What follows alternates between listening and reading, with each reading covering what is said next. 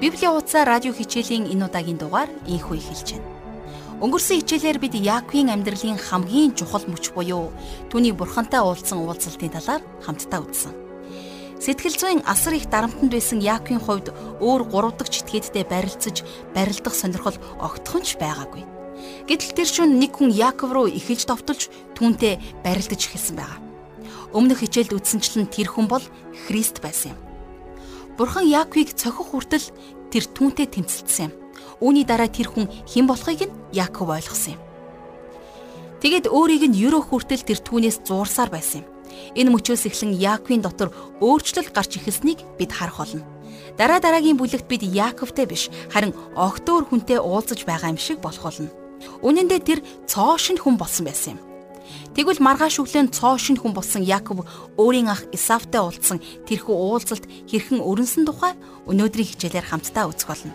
Нэгэн цагт Яаковыг заавал ална гэж тангаргалж байсан ах нь 400 дайчин эрстэйгээ Яаков дээр ирэхдээ жохом ямар санаа бодол өвөртөлж ирсэн бол. Хамтдаа энэ асуултын хариултыг өнөөдөр олж мэдэх болно. Мэдээж хичээлтэй холбоотой санал хүсэл тавил нэвтрүүлгийн дараа хэлэх имэйл хаягаар хандан бидэнд загтал өчээрэй. Харин одоо хичээлээ эхлүүлэхээс өмнө Бурханд хандаж залбирцгаая. Бурхан минь, та энэ өдөр бидэнд өөрийн амьд үгээ өгөөч. Таны үгийг ойлгон ухаарах зүрх сэтгэлийг та бидэнд өгөөрэй. Ариун сүнсээрээ энэ цагийг удирдаач. Бид танд бүх зүйлээ даатгаж Есүс Христийн нэрээр залбирлаа. Амен. Харин одоо жаргал агшийнхаа хичээлд анхаарлаа хандуулъя. За тэгэхээр өмнөх бүлэгт бид нөр Яаковын хувьд маш чухал үйл явдлын талаар үзсэн байгаа. За тэр бурхантай барилдсан тухай бид нар үзсэн. За сүүлд нь бурхан тэрнийг өрөөж тэр цагаас эхлэн Яаков өөрчлөгдсөн. Тэгвэл энэхүү өөрчлөгдсөн Яаковыг маргааш өглөө нь ахтайгаа нүүр тулах чухал мөч хүлээж байсан юм. Тэр чухал уулзалт хэрхэн болж өнгөрсөн талаар өнөөдөр бид нар хамтдаа Эхлэл номын 33 дугаар бүлгээс үзэх болно. За ингээд бүгдээр хамтдаа 33 дугаар бүлгийн 1-р ишлэлийг гаргацгаая. 1-р ишлэл. Яаковыг хараага өргөн хартал Исав 400 хүнийг дагуулan яваа харагдлаа.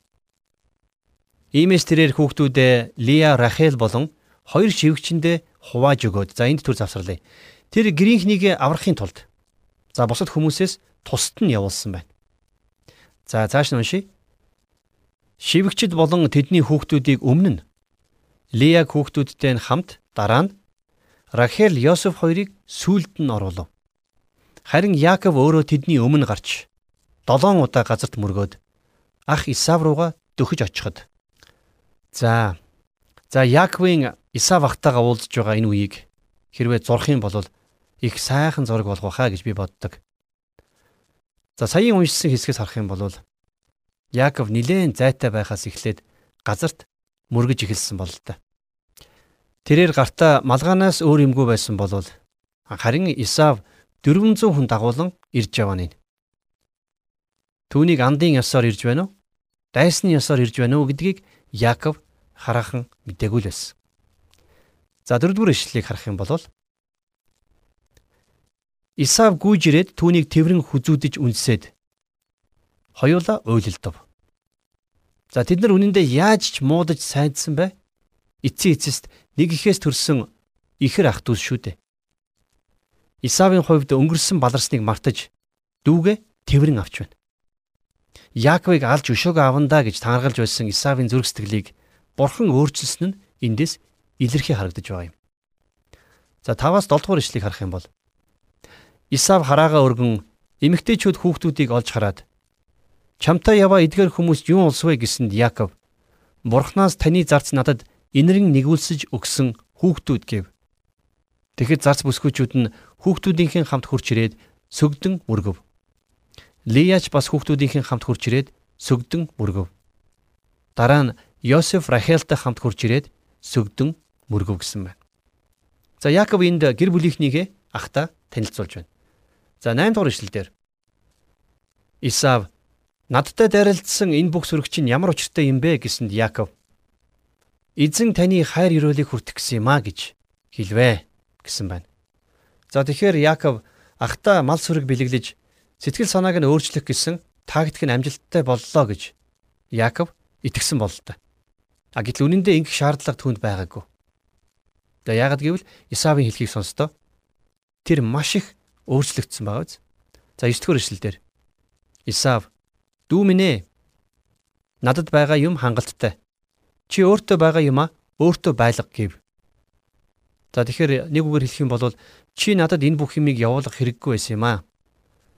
Надад аль хэдийн хангалттай их эд хөрөнгө байгаа гэж ах нь хэлж байна.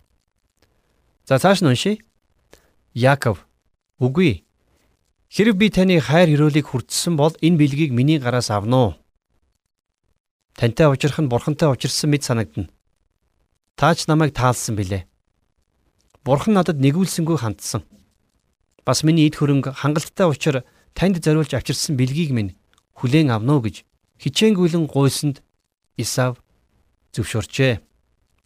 За энэ хэсэг маш их инээдтэй санагдаж байгаа. За энэ үеийг хүртэл тэр хоёрын хин хин нь нөгөөгөөс ямар нэг юм салгах гэж хичээж ирсэн. За ялангуяа Яаковын хувьд бол яг юм байсан. Харин одоо бол Яаков цоо шин хүн болсон байна.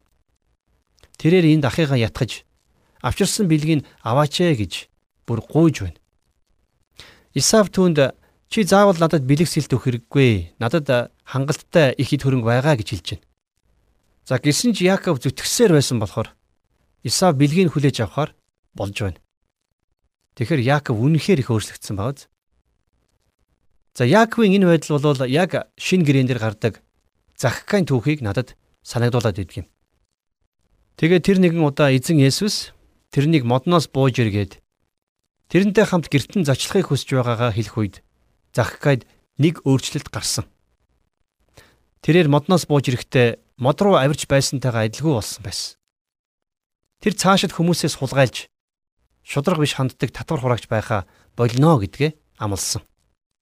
За бүр түгэр зогсохгүй тэр буруу замаар олж авсан бүхнээ буцааж өгөхийг. За бүр ингэхдээ дөрөв нугалж буцааж өгөхийг хүссэн. Ямар гайхамшигтай өөрчлөлт вэ? Та хүмүүсийг харахтаа Есүс гертэн зочилсан эсхийг мэдэх боломжтой.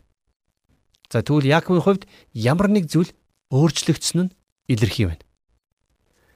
Өмнө нь тэр ууган хүүгийн эрхийг аяг шүлээр худалдан авч байсан болол харин одоо мал сүргэ ахта зүгээр өгөхийг хүсэж байна. За тэрч байтугай ахыгаа авахгүй гэд багт нь ятгаж хичээнгүйлэн гуйсан. А тэгээд эцсүүлд нь Исав бэлгийг хүлээн авдаг. Тэгэхээр тухайн цаг үед тэр нутагт хүнийг хичээнгүйлэн гуугаад байхад бэлгийг хүлээж авахгүй байна гэдэг бол доромжилж байгаа хэрэг тооцогддог байж. За тийм ч болохоор Исав бэлгийг нь хүлээн авсан юм. За 33 дугаар бүлгийнхээ 12 дугаар ишлэгийг харъя. Тэгээд Исав хөдөлцгөөе. Би чиний өмнө явъя гэв. За чи одоо нэгэнт нутагтаа ирсэн юм чинь би чиний өмнө явъя. Чамд зам зааж бас чамайг хамгаалъя гэж Исав хэлж байна. За ингээд цааш нь үргэлжлүүлэн уншицгаая. Яаков түүнд хүүхдүүд минь сул дорой мал сүрэг минь нялх төлтөө. Хэрв нэг өдөр ширүүн туулбал мал сүрэг бүгдээрээ өхнө гэдгийг эзэн та мэдэх буй за. За харин Яаков энд би гэр бүлийнхэнтэйгээ хамт явж байгаа. Тэгээд бас бидний дунд жаахан хүүхдүүд нялх төл байгаа болохоор хурдан явж чадахгүй. Харин та 400 сэрэгтэйгээ хамт хурдан явахыг хүсэж байгаа. Тэгэхээр та төрүүлээд явна уу гэж хэлсэн байна. За тэгээд цааш нь 14 дугаар ишлэл дээр Эзэн минь та зарц надаас төрүүлээд явна уу? Сейрт эзэн тань дээр хурч очтол би өмнөө яваа мал сүрэг хүүхдүүдийнхээ аясыг тааруулж аажуу уужуу явъя гэв. За өөрөөр хэлэх юм бол Яаков ахта би таны хурдыг гүйцэхгүй ах минь. Би зүгээр л аажуу уужуу явъя. Харин та төрүүлээд явж бай гэж хэлсэн байна. За 15-аас 16 дугаар ишлэгийг харах юм бол Исав Би хамт яваа хүмүүсийнхээ зармийг чамтай үлдээе гэхэд Яаков яах юм бэ? Эзэн та намайг таалалдаа багтаагач гэв. Исаав тэр өдөртөө Сейр руу буцах замдаа гарав. Тэгэхээр Исаавын хувьд Идомын нутагт буюу за Сейр дэх өмнөд Канаан нутагт амьдардаг байсан. Аавыгаа нас барсны дараа тэрээр Сейрийн уулзрахаг нутаг руу нүүсэн бөгөөд за хожим нь Бурхан тэрэнд энэ газар нутгийг өмч болгон өгсөн байна.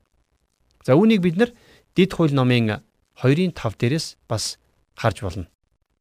За цааш нь уншийе. 33-ын 17 дээр. Тэгээд Яаков Суккотод очиод тэнд өөртөө байшин малдаа сарвч барьсан учраас тэр газрыг Суккот хэмээн нэрлэх болжээ. За өмнөх хэсэгт болсон үйл явдалд бүгдээрээ дахиад нэг анхаарлаа хандуулъя. За Яаковын дотор бол маш их том өөрчлөлт гарсан. Тэгээд Исав ахта мал сүрэг бэлэгсэлт өгөх гэсэн Яаковын овжин ухаан үнэндээ ямар ч ашиггүй зүйл байсан гэдгийг та харсан баг. Яаковд хор хүнээд учруулахгүй тулд бурхан Лабаны зүрх сэтгэлийг бэлтгэсэн байсан шигэ.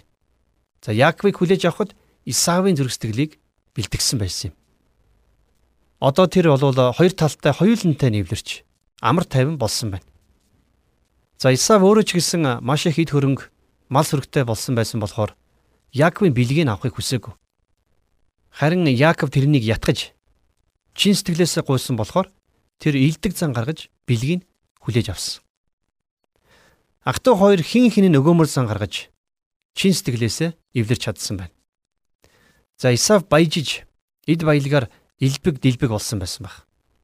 Тэгээд ч тэртээ тэргүй ууган хүүгийн ирэх тэрний хувьд тийм ч их үн цэнтэй биш байсан болохоор ихрийнхэн өрөөсөнтөө эвлэрэхэд татгалзах шалтгаан түүнд байсангүй. За ингээд Яаковын амьдралд нэг ёсондоо нар гарч эхэлсэн. Лабан тайвширч Исав эвлэрсэн. Тэгэхээр бурхан энэ бүхнийг тэрний төлөө зохицуулж өгсөн байна. Хэрвээ Яаков совдог шунхаа зантай хэвээрээ байж овжин залмийнхээ ашигласаар байсан бол тэр эцтэй дайсныхаа гарт үргдэх нь лавтай байсан. Дэндүү хол явхаас өмнө хожим нь Яаков өөрийнхөө амьдралыг иргэн харж за ингэж харахтаа амьдралд нь бурхны мотор байгааг олж хараад бурханд алдрыг өргөсөн юм. Харин тэрний урд нь тарьсан бузар мөвөр ургацаа дараа нь заавал өхөн гарцаагүй. Асуудал бэрхшээл тэрний өөдөөс айсуу явсан. За тэрний очих газар нь саад бэрхшээл тэрнийг хүлээж байсан юм. За Исав Сейрис хөдөлж цааш явсан. За дараа нь 35 дугаар бүлэгт эцэг Исаакийнх нь оршуулгын үеэр бид тэрнтэй дахин уулзгаална. Харин тэр болтол одоохондоо түүнд төр баяртай гэж хэлье. За 33-ийнхаа 18-аас 19 дэх хүрээшлийг харъя. Яаков Падан Арамаас Канаан нутгийн Шихем хотод амар тайван хурж ирээд хотын өмнө талд майхнаа барив. Тэрээр майхнаа барьсан тэр талбайн хэсгийг Шихемийн эцэг Хаморын хүүхдүүдийн гараас 100 мөнгөн зоосоор худалдан авч. За энд нэг тайлбар хэлье. Тэгэхээр Яаков Сукот болон Шихемд буудлахынхаа оронд шууд Битэл рүү явах ёстой байсан юм а гэж зарим хүмүүс Яаковыг буруутгадаг. А гэхдээ үнэндээ тухайн үеийн Яаковаас бид тийм ч их зүйл хүлээж найдах хэрэггүй гэж би боддتي. Тэр доглон болсон байсан. За тэгээ хамгийн гол нь тэрээр сүнслэг хөлөөр сүнслэг алхмыг яаж хийх ёстойг дөнгөж суралцж эхэлж байсан шүү дээ. За цааш нь үргэлжлүүлээд уншия 20 дугаар ишлэл. Тэндээ тахилын ширээ босгож түүнийг Эл Элохи Израиль гэж нэрлэжээ. За Эл Элохи Израиль гэж нэрлсэн. Өвөг эцэг Авраам нь явсан газар бүртээ тахилын ширээ босгодог байсны адилаар Яаковч гэсэн энд тахилын ширээ босгож байна. Яаков өөрийнхөө шин нэрийг Бурхны нэртэй холбон үүндээ нэр өгсөн байна. Тэр үнийг Эл Элохи Израиль буюу Бурхан Израилийн Бурхан гэж нэрлэжээ. Дөнгөж алхаж сурч байгаа энэ хүний дотор жинхэнэ өөрчлөлт өсөлт хөгжил бий болж байна. Тэрний нөхцөл байдлыг дараах байдлаар илэрхийлж болно. Тэр битэл хүрэх замдаа явж байгаа боловч тэндээ хараахан хүрээгүй байна гэсэн үг. Эхлээд тэрээр Сукот руу аялж За тэгээд дараа нь Сукотод Яаковыг чухам юу хүлээж байсныг бид нэр дараагийн хичээлээр үзэх болно.